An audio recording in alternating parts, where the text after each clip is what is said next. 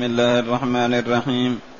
قال المؤلف رحمه الله تعالى باب قول الله تعالى إنما ذلكم الشيطان يخوف أولياءه فلا تخافوهم وخافون إن كنتم مؤمنين. قول المؤلف رحمه الله تعالى باب قول الله تعالى. جعل الباب للآية الكريمة. إنما ذلكم الشيطان يخوف أولياءه فلا تخافوهم وخافون إن كنتم مؤمنين.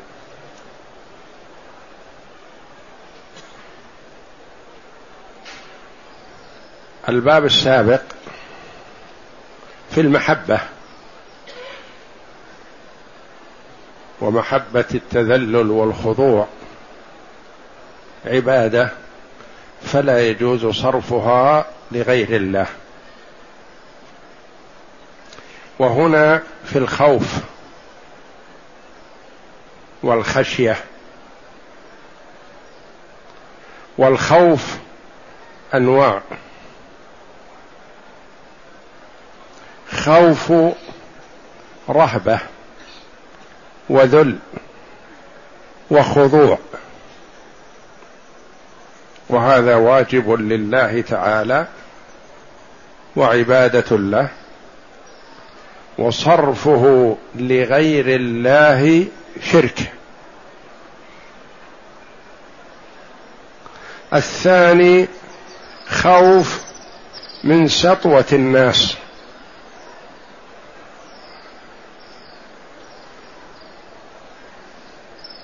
يود الأمر بالمعروف والنهي عن المنكر لكن يخاف من الناس. يود عمل كذا لكن يخاف من الناس. فهذا لا يخلو. إن كان من يخاف منه ذا سطوة ويمكن أن يوقع به شيئا ما فهو حينئذ معذور. لأن خوفه هذا يعذر به.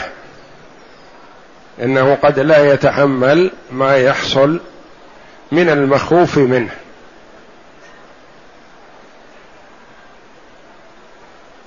مثل خوفه من أن يجهر بشيء ما. لو جهر به لعذب وأوذي وما يتحمل فلا يلام في هذا وهو معذور حينئذ. والجهر بهذا مع الصبر على ما يناله أفضل. وإن كان هذا الخوف وهمي يعني يخاف وهو لن يضره ولا يستطيع أن يضره مثلا خوف منه. فهذا نوع من الشرك وهو يعتبر شرك أصغر وليس من الأكبر.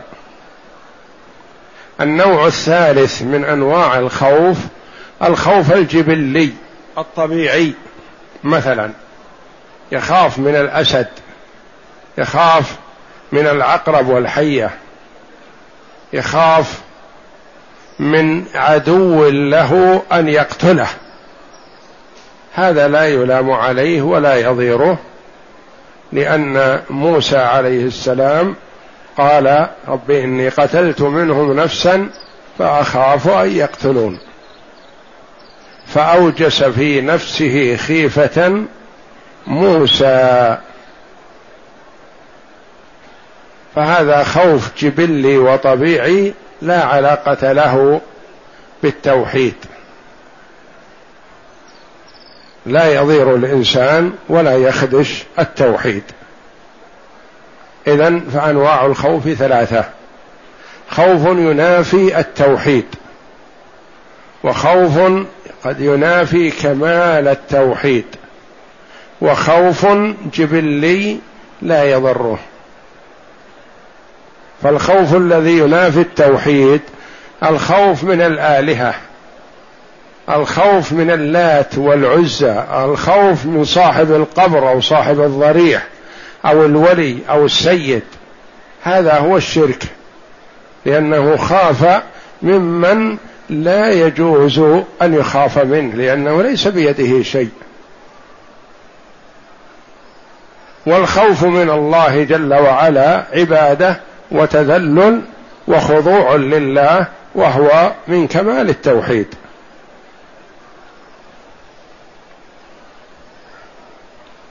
يقول الله جل وعلا في هذه الآية إنما ذلكم الشيطان يخوف أولياءه.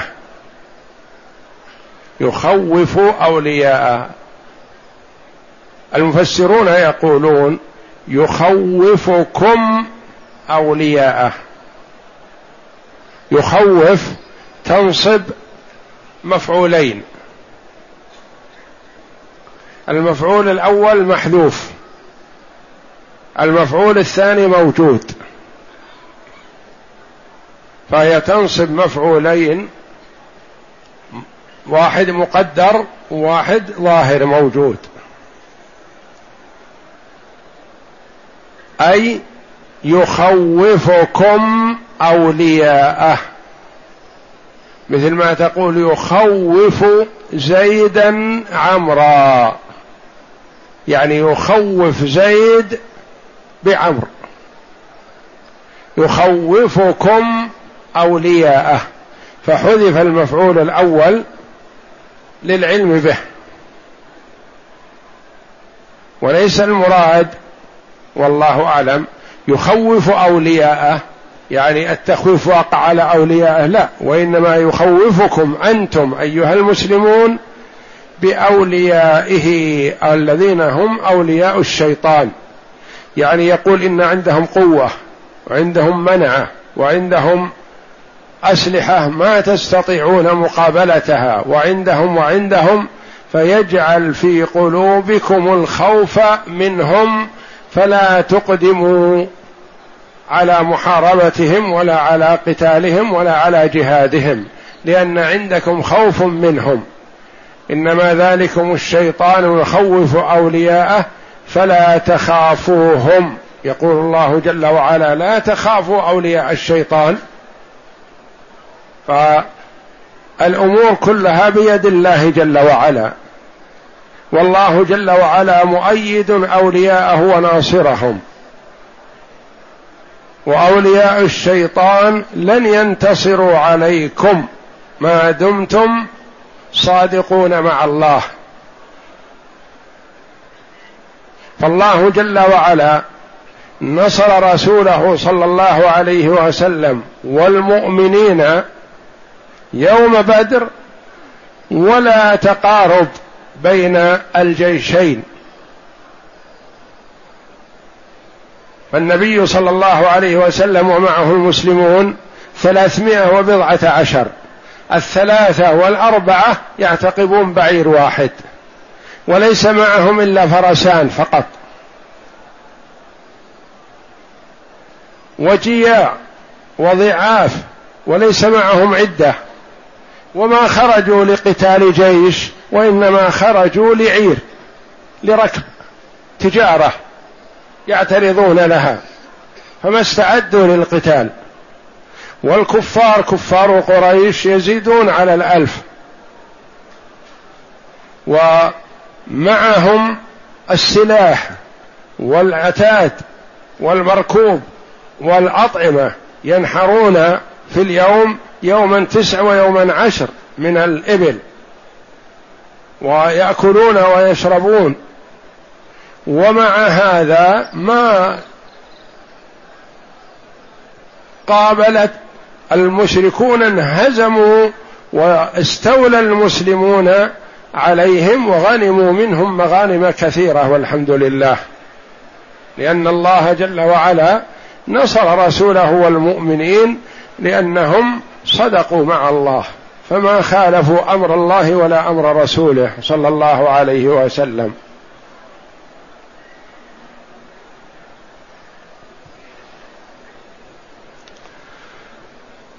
فالله جل وعلا يقول لعباده المؤمنين إن الشيطان يحرص على أن يلقي في قلوبكم الخوف من اوليائه فلا تخافوهم. وخافوني يعني لا تكون خشيتكم وخوفكم مني في الوقوع في المعصية أو مخالفة أمر الله. فلا تخافوهم وخافوني إن كنتم مؤمنين. إن كنتم مؤمنين فلا تخافوا أولياء الشيطان.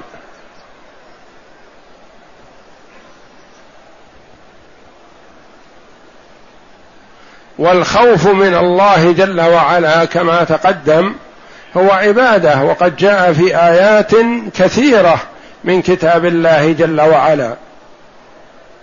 كقوله تعالى يخافون ربهم من فوقهم. وقوله جل وعلا وهم من خشيته مشفقون.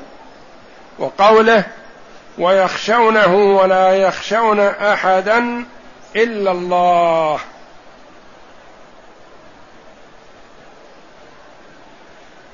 فالخوف من الله جل وعلا عبادة والخوف من أولياء الشيطان ينافي التوحيد لأنهم ما يستطيعون أن يضروكم بشيء وأنتم مع الله والله معكم.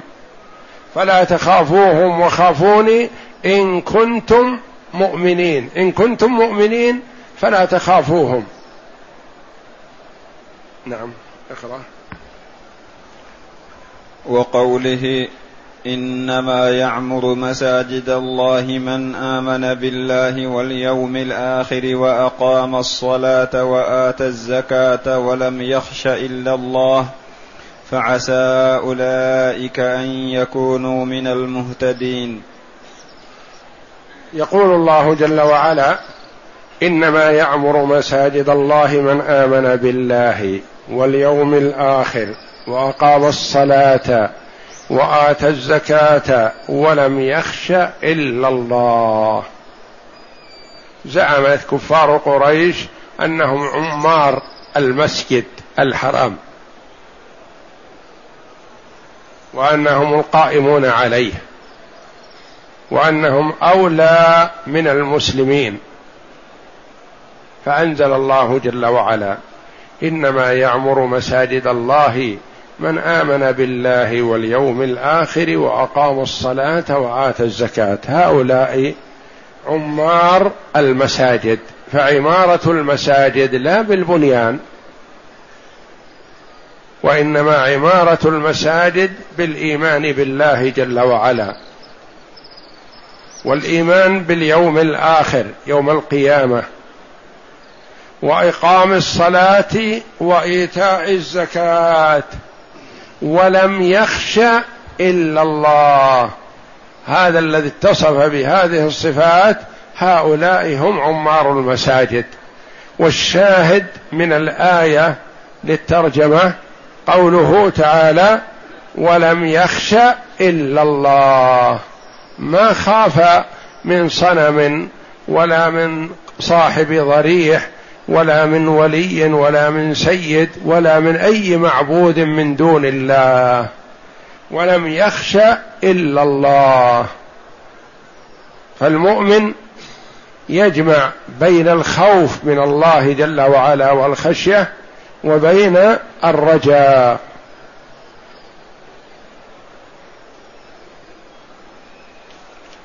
نعم. وقوله ومن الناس من يقول آمنا بالله فإذا أوذي في الله جعل فتنة الناس كعذاب الله. وقوله جل وعلا ومن الناس من يقول آمنا بالله هذا الذي إيمانه ضعيف. دخل في الإيمان بدون قناعة. وبدون أن يتمكن الإيمان من قلبه. فإذا أوذي في الله جعل فتنة الناس كعذاب الله. الصحابة رضي الله عنهم دخلوا في الإيمان بقوة وقناعة فتمكن الإيمان من قلوبهم. فتحملوا أذى قريش ولم يجزعوا. إرضاء لله جل وعلا. فكان يؤتى بالواحد منهم ويجرد من ثيابه ويجر على النار. وفي الرمضاء وتوضع الحجارة المحماة على بطنه. يقول بلال رضي الله عنه لما كشف ظهره ورؤيا كأنه كرش قال كانوا يجرونني على النار فما يطفئ النار إلا ودك ظهري. الودك الدهن الذي ينزل من ظهره بإحمائه في النار هو الذي يطفئ النار عنه. ويعذبونه العذاب الشديد. فهو رضي الله عنه وأمثاله ما يبالون بعذاب الناس ويتحملون ذلك ويصبرون. لكن من كان إيمانه ضعيف إيمانه ضعيف إذا ابتلي وامتحن سوى بين عذاب الله وفتنة الناس أو كان خوفه من فتنة الناس أشد من خوفه من عذاب الله فرجع وارتد عن دينه. ومن الناس من يقول آمنا بالله يقول بلسانه. فإذا أوذي لإيمانه وعذب جعل فتنة الناس كعذاب الله. يعني سوى بين فتنة الناس وبين عذاب الله فرجح السلامة من فتنة الناس ولا يبالي كأنه بعذاب الله فيرجع عن دينه. وهذا من لم يتمكن الإيمان في قلبه. من كان على جرف ما ثبت ولا استقر على الإيمان وتمكن الإيمان من قلبه. نعم. وعن أبي سعيد رضي الله عنه مرفوعا إن من ضعف اليقين أن ترضي الناس بسخط الله وأن تحمدهم على رزق الله وأن تذمهم على ما لم يؤتك الله. إن رزق الله لا يجره حرص حريص ولا يرده كراهية كاره. عن أبي سعيد الخدري رضي الله عنه مرفوعا يعني إلى النبي صلى الله عليه وسلم. إن من ضعف اليقين أو من ضعف يروى بفتح الضاد وضمها. وضعف اليقين وجود الشك وعدم الإيمان الكامل. واليقين هو ضد الشك. أن ترضي الناس بسخط الله. من الناس من إذا ابتلي بأمر ما حاول أن يرضي الناس ولو سخط الله عليه. ومن الناس من إذا ابتلي اهتم برضاء الله جل وعلا ولو سخط الناس عليه. فمن كان عنده اليقين والثقة بالله جل وعلا يعمل العمل الذي يرضي الله ويبرئ ذمته ولا يبالي بالناس.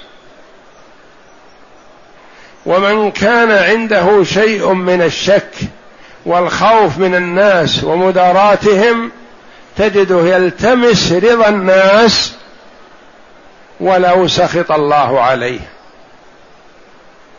إن من ضعف اليقين أن ترضي الناس بسخط الله.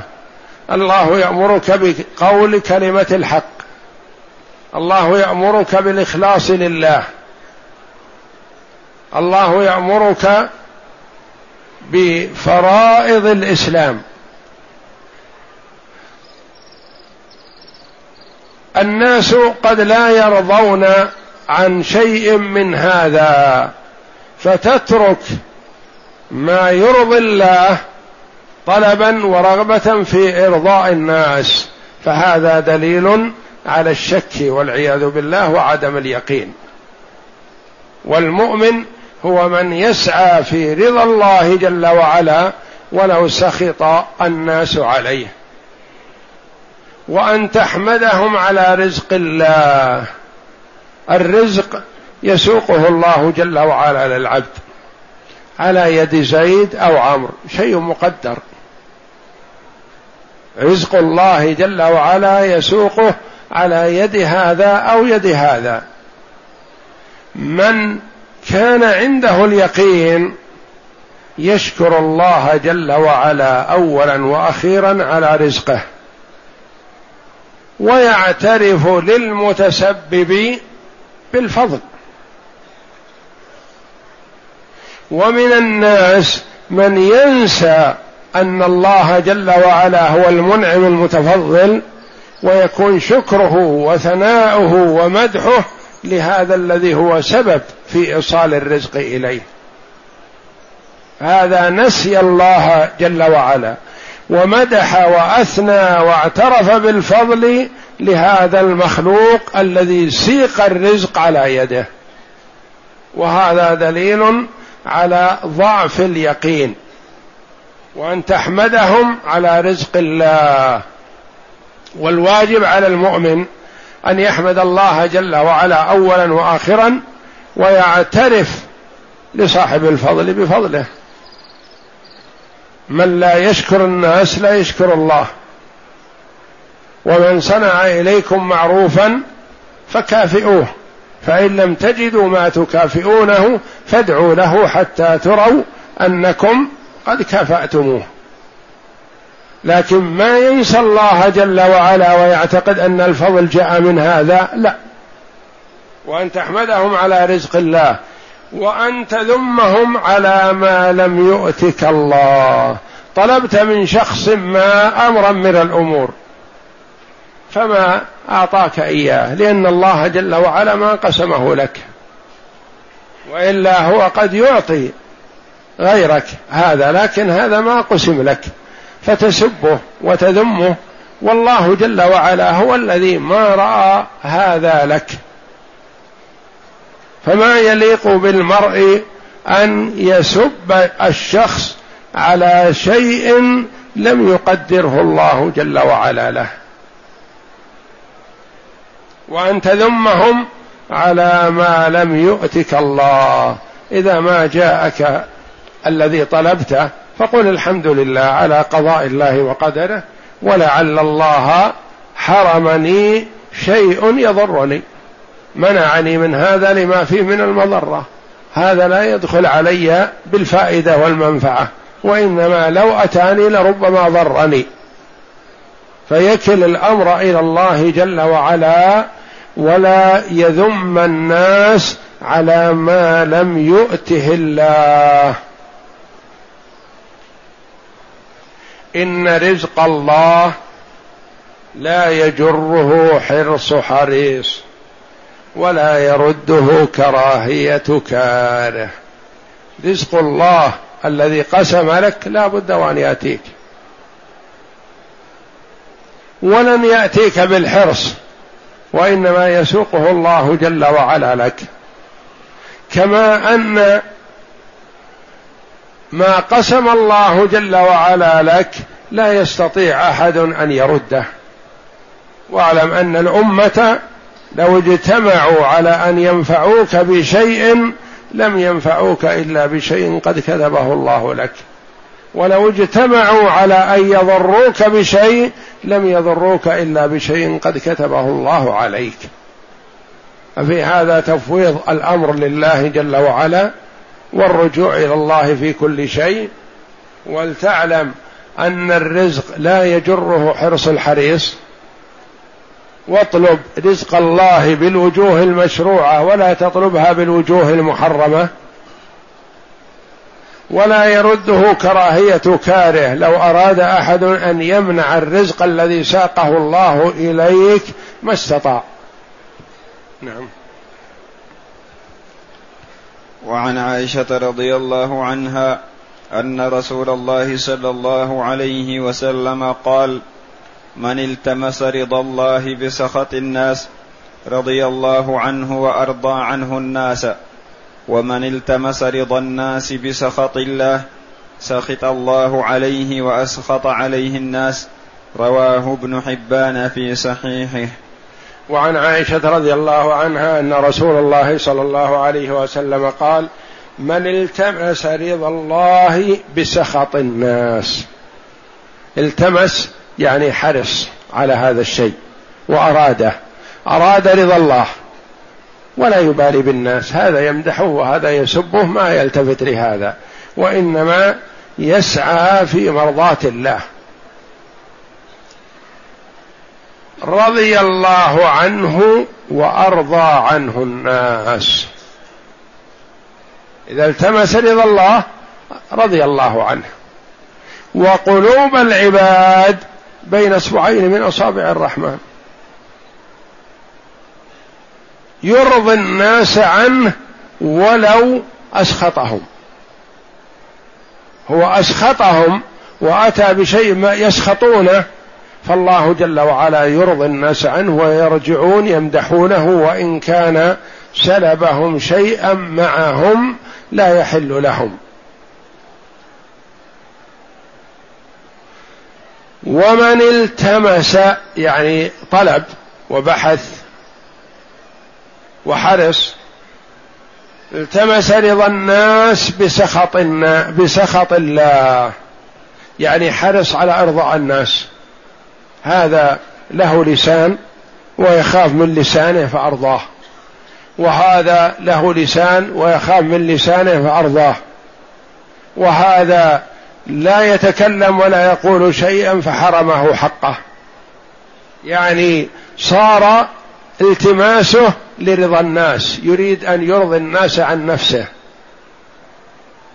ولا يعدل في العطية والقسمة ولا يبالي الله رضي عنه أو سخط عنه والعياذ بالله. فالله جل وعلا يسخط عليه ويسخط عليه الناس. حتى الذين أرضاهم بسخط الله يصبحون يذمونه ويسبونه ويقول مرائي مداهن منافق.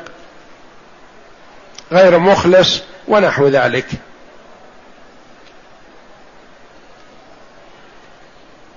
وجاء أن معاوية رضي الله عنه كتب إلى عائشة رضي الله عنها أن اكتبي لي كتابا توصيني فيه ولا تكثري علي. يعني أوصيني اوصيني وصية مختصرة حتى أستفيد منها وأنتفع بها وأطبقها. فهي رضي الله عنها فقيهة وعالمة اختارت له ما يناسب حاله لأنه ولي أمر المسلمين. فأوصته بالوصية النافعة الجيدة فكتبت إليه سلام عليك. أما بعد فإني سمعت رسول الله صلى الله عليه وسلم يقول من التمس رضا الله بسخط الناس كفاه الله مؤونة الناس. تولى الله جل وعلا إرضاء الناس عنه. ومن التمس رضا الناس بسخط الله وكله الله إلى الناس. وكله الله إلى الناس. فالذي يسعى في طلب مرضاة الله جل وعلا يرضى الناس عنه وإن سلبهم ما بأيديهم. ومن لم يبال برضا الناس برضا الله وحرص على إرضاء الناس ولو بسخط الله رجع حامده ذاما له.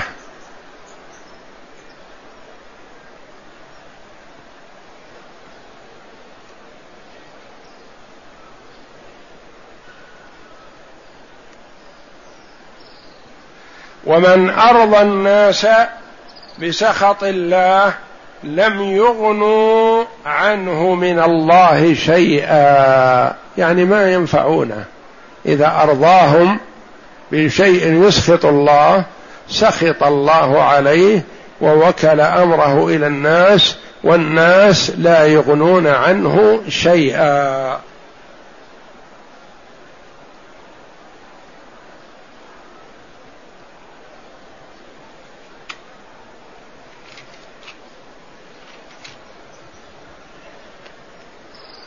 فهذه الآيات الكريمة والأحاديث النبوية تأمر بأن يكون تعلق العبد بربه جل وعلا. يخشى الله ويخافه ويقبل على الله جل وعلا. ولا بأس أن يهتم بأمر الناس لكن لا يقدم رضاهم على رضا الله. ويجعل رضا الناس تابع لرضا الله جل وعلا. اولا وقبل كل شيء إرضاء الله جل وعلا. فإذا أرضى الله جل وعلا رضي عنه وأرضى عنه الناس. وإذا سخط الله عليه فإن الله يسخط عليه الناس. والله أعلم. وصلى الله وسلم وبارك على عبده ورسول نبينا محمد وعلى يقول السائل ما حكم إعطاء الزكاة لأسرة فقيرة جدا لكن الأسرة لا يصلون إلا صاحب إلا الأب فهل فهو يصلي؟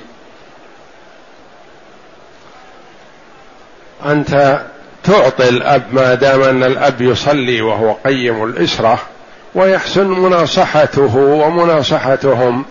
تناصحه بأن يقوم عليهم ويلزمهم بطاعة الله جل وعلا وتناصح من تصل إليه منهم. ولا تحرم الأب من الزكاة ما دام يصلي.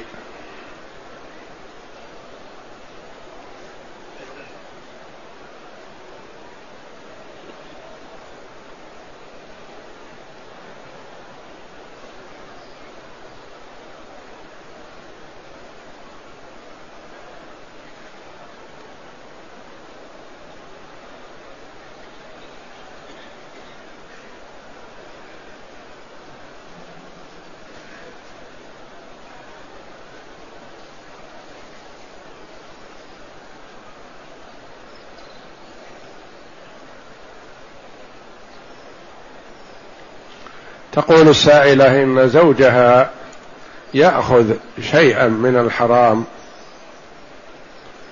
فهل تبقى معه أو تنفصل عنه؟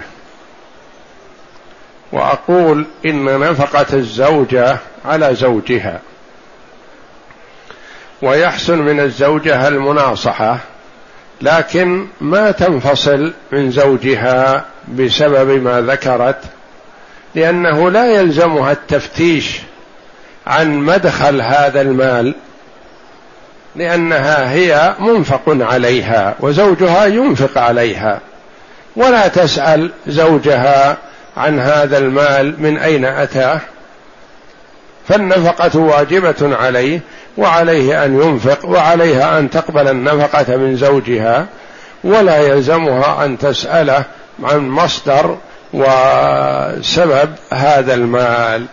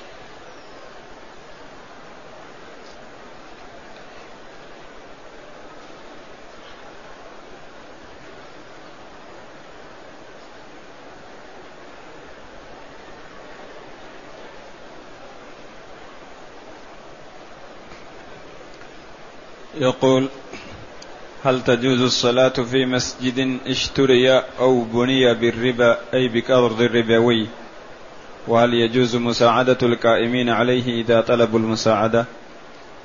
أولا ما يجوز للمسلم أن يتعامل بالربا ويحرم عليه ذلك. وإذا بني المسجد أو اشتريت أرضه بأموال أصلها ربوية فلا بأس بالصلاة فيه. لأن المال هذا ليس بنجس وليس بحرام في المصالح العامة وإنما هو حرام على صاحبه. فمثلا يجوز أن يكون المرء جمع مالا حراما حال عدم مبالاته أو حال جهله ثم من الله عليه بالتوبة أو من الله عليه بالعلم فتراجع. فكيف يصرف هذه الأموال الحرام نقول يتخلص منها في مصالح المسلمين ومن ذلك أن يبني بها مسجد أو يعبد بها طريق أو ينفقها على الفقراء والمساكين أو نحو ذلك.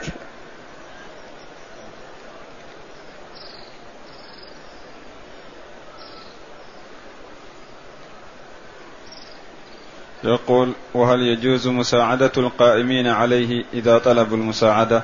نعم إذا ساعدتهم على بناء المسجد أو على إتمامه ونحو ذلك ولو كان بدء المشروع فيه من مال حرام. لأن هذا في مصالح المسلمين وليس ملكا لأحد.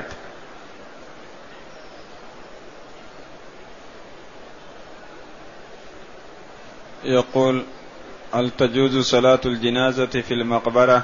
مع العلم بأن القبور في اتجاه القبلة وأمام المسلي مباشرة وبدون حاجز.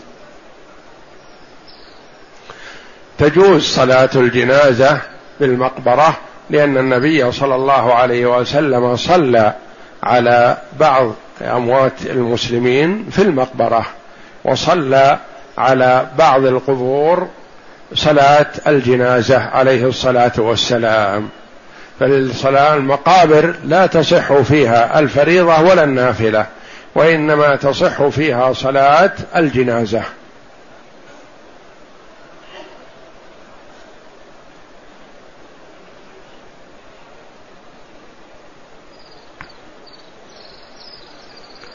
يقول تحصل أخي على قرض ربوي واشتغل به في الزراعة وتربية الأغنام فهل يجوز أن أعمل معه كعامل بإيجار محدد أو بنسبة من الأرباح مثل الربع أو النصف؟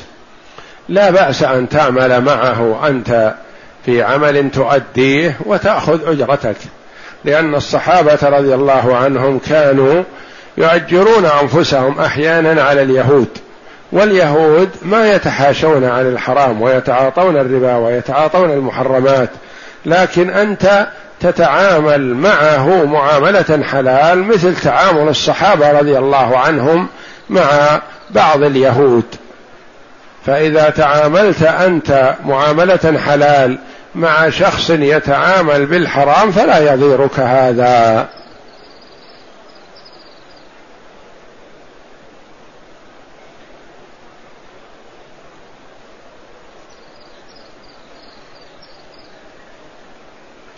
يقول رجل مات عن ثلاثة أولاد وزوجة وترك ألفا وخمسمائة ريال.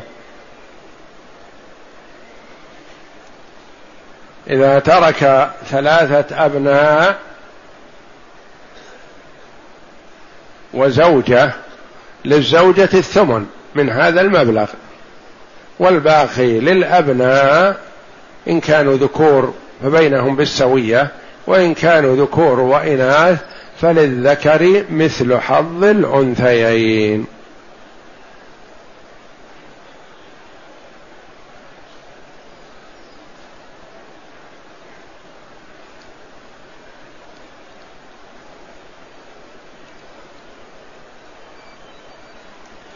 يقول عندي تجارة وعلي دين قيمته ثلاث آلاف درهم. هل أقدم الزكاة على دفع الدين أم أخرجها للمساكين؟ علما أني أخرجها مما طابت نفسي من عروض التجارة. بعض العلماء رحمهم الله يقول الدين لا يمنع من وجوب الزكاة فيما بين يديك. علما أن الزكاة في رأس المال والربح. وربح التجارة حوله حول أصله. فمثلا إذا كان رأس المال ألف ثم ربحت الفا آخر قبيل تمام وقت الزكاة بشهر فعليك أن تزكي الألفين حتى ولو كان الألف الثاني ما حزته ولا ربحته إلا قبل شهر لأن حول الربح حول الأصل. فيرى بعض العلماء أن الزكاة لا يمنع منها الدين فتزكي ما بين يديك ولو كنت مطلوبا بشيء منه. آخرون يرون أن, أن الدين يمنع من وجوب الزكاة في قدره. فمثلا إذا كانت تجارتك في حدود عشرة آلاف وأنت مطالب بثلاثة آلاف يقولون تزكي سبعة آلاف. تخصم من رأس المال الذي بين يديك المقدار الذي أنت مطالب به.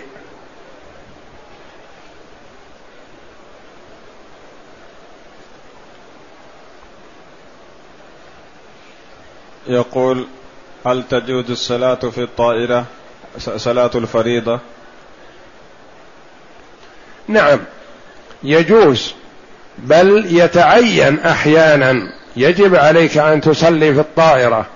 إذا كانت إذا كان وقت الإقلاع زمن الإقلاع يستغرق وقت الفريضة مثلا.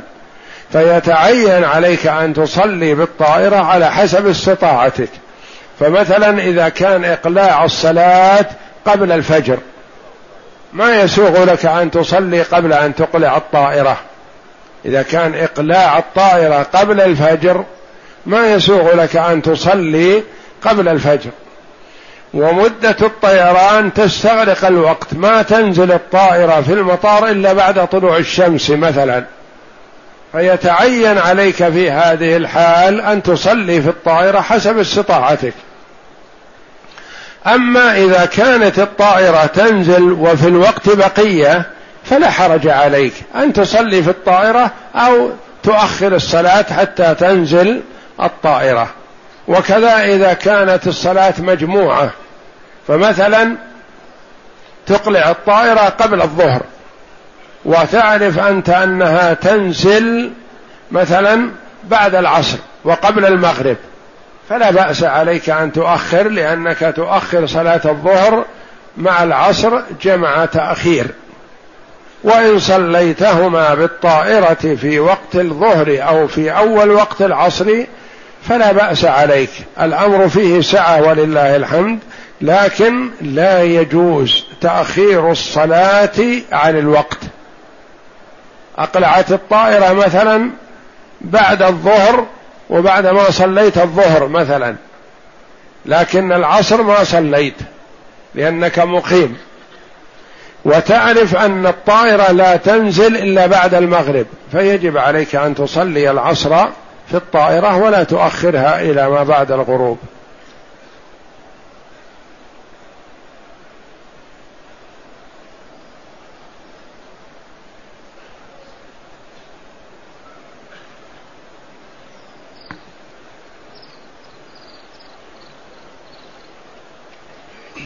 يقول كنت أصوم يوم الخميس وأريد أن أضيف معه يوم الجمعة. هل عملي هذا صحيح؟ نعم عملك صحيح لأنه لا يجوز لك إفراد الجمعة بالصوم. أما إذا صمت الخميس والجمعة لكونك مستريح أو العمل فيها خفيف أو نحو ذلك وتصوم الاثنين فلا بأس. يعني ما تفرد الجمعة بالصيام لأنه يوم الجمعة. لكن لو أفردت الجمعة بالصوم لأنها يوم عرفة أو يوم عاشوراء ونحو ذلك لصفة أخرى فلا حرج عليك والحمد لله.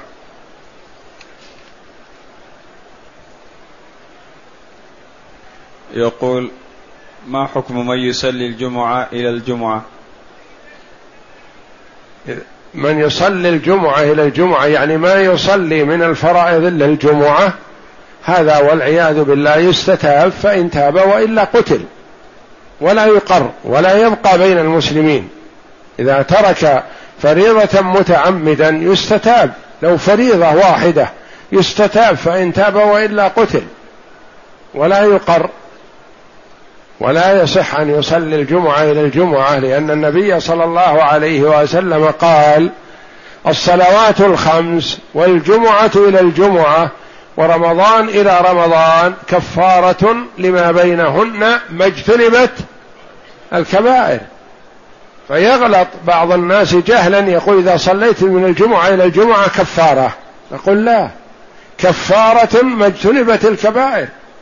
أما أن يترك الواجبات ويتكل على الجمعة فالجمعة لا تكفر الكبائر وإنما تكفر الصغائر.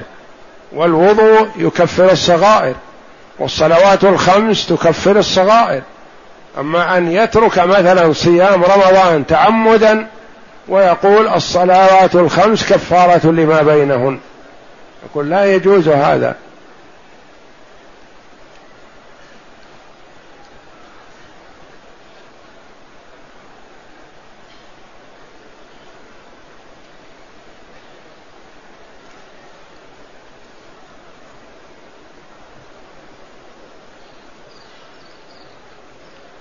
يقول في بلدنا يعتقد المطر بنوء كذا وكذا هل هذا من الشرك؟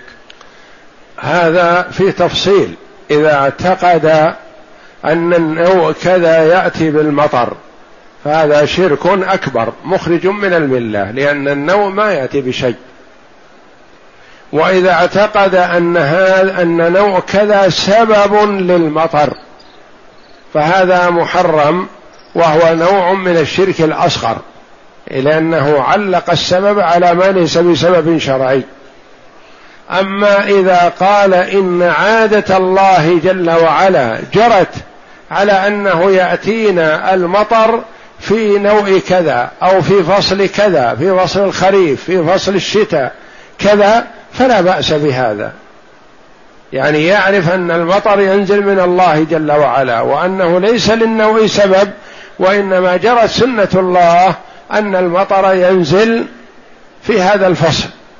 مثل ما يقال مثلا بلد كذا ينزل فيها المطر عادة في فصل الخريف وبلد كذا ينزل فيها المطر عادة في فصل الشتاء. هذه جرت سنة الله في ذلك فلا حرج أن يقول. لكن إذا اعتقد أن نوع كذا يأتي بالمطر فهذا شرك أكبر. وإذا اعتقد أن نوع كذا سبب للإتيان بالمطر فهذا نوع من الشرك الأصغر.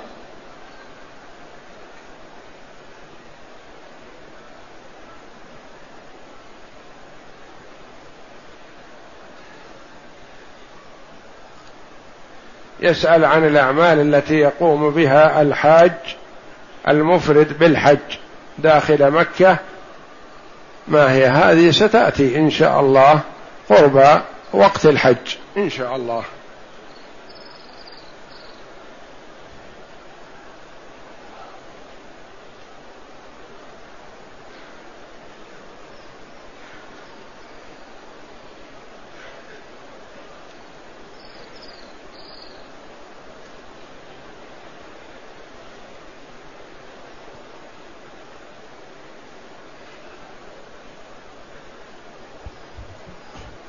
يقول هل المسافر الذي يجلس ببلد ثلاثة أيام أن يتم الصلاة مع أن مدة إقامته بها لم تحدد وقد تزيد هذه المدة؟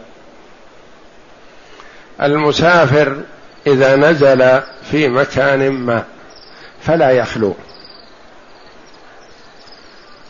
إن كان ينوي الإقامة أربعة أيام فأقل فهذا له أن يقصر. والأفضل في حقه القصر ما لم يصلي مع إمام يتم. ولا يجوز له أن يتخلف عن صلاة الجماعة من أجل أن يقصر. إذا صلى مع رفقته فيقصرون. ينوي الإقامة أربعة أيام فأقل. ينوي الإقامة أكثر من أربعة أيام فلا يجوز له أن يقصر. ويرى كثير من العلماء أنه إن قصر فصلاته غير صحيحة لأن له أحكام الإقامة ولا يحل له أن يترخص بأحكام السفر ما دام ينوي الإقامة أكثر من أربعة أيام. الثالث أن لا ينوي إقامة مستمرة ولا يدري مدة إقامته وإنما ينتظر أمر من الأمور. ترخيص مثلا في سفر.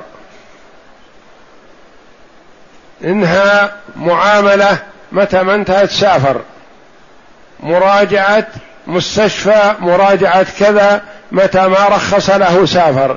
لا يدري يؤذن له في السفر غدا أو بعد غد أو بعده ما يدري. كل يوم يقول غدا إن شاء الله ينتهي شغلنا ونسافر. هذا له أن يقصر ما دام على هذه الحال ولو طالت مدته. أما إذا كان يعلم أنه سيقيم أكثر من أربعة أيام فليس له أن يقصر.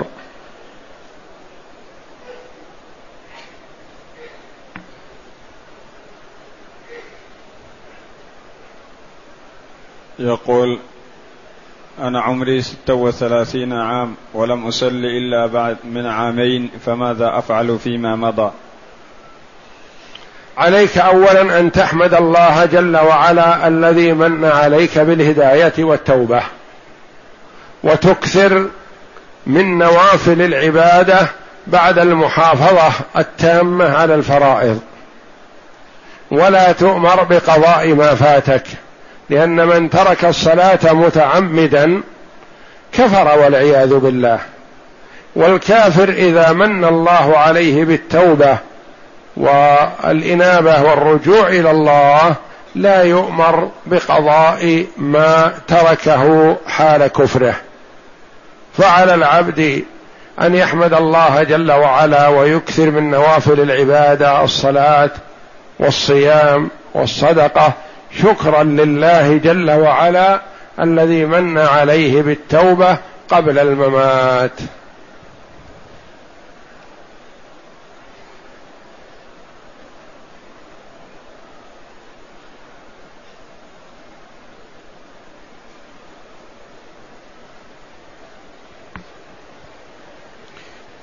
يقول فاتته صلاة الظهر واستيقظ مع صلاة العصر.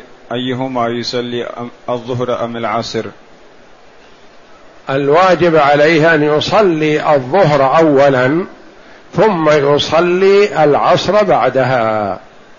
ولا يقدم صلاة العصر على صلاة الظهر إلا في حالة إذا دخل المسجد والجماعة يصلون العصر فيصلي معهم بنية العصر.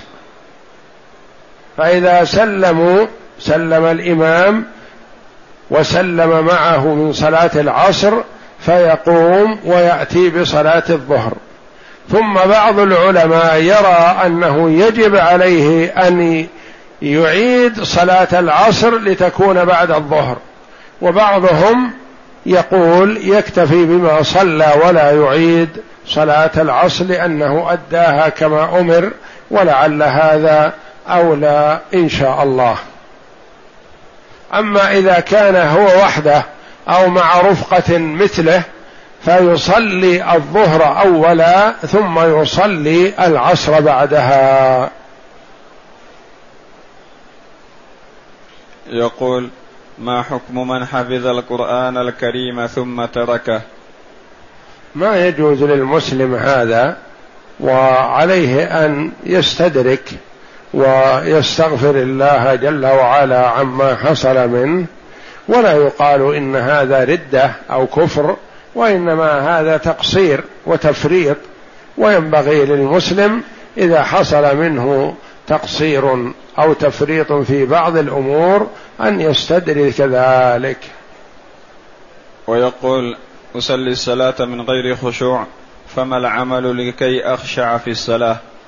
الإقبال على الله جل وعلا وتدبر القرآن وتأمله والاجتهاد في هذا واستحضار القلب لعل ذلك يمكنه من الخشوع إن شاء الله.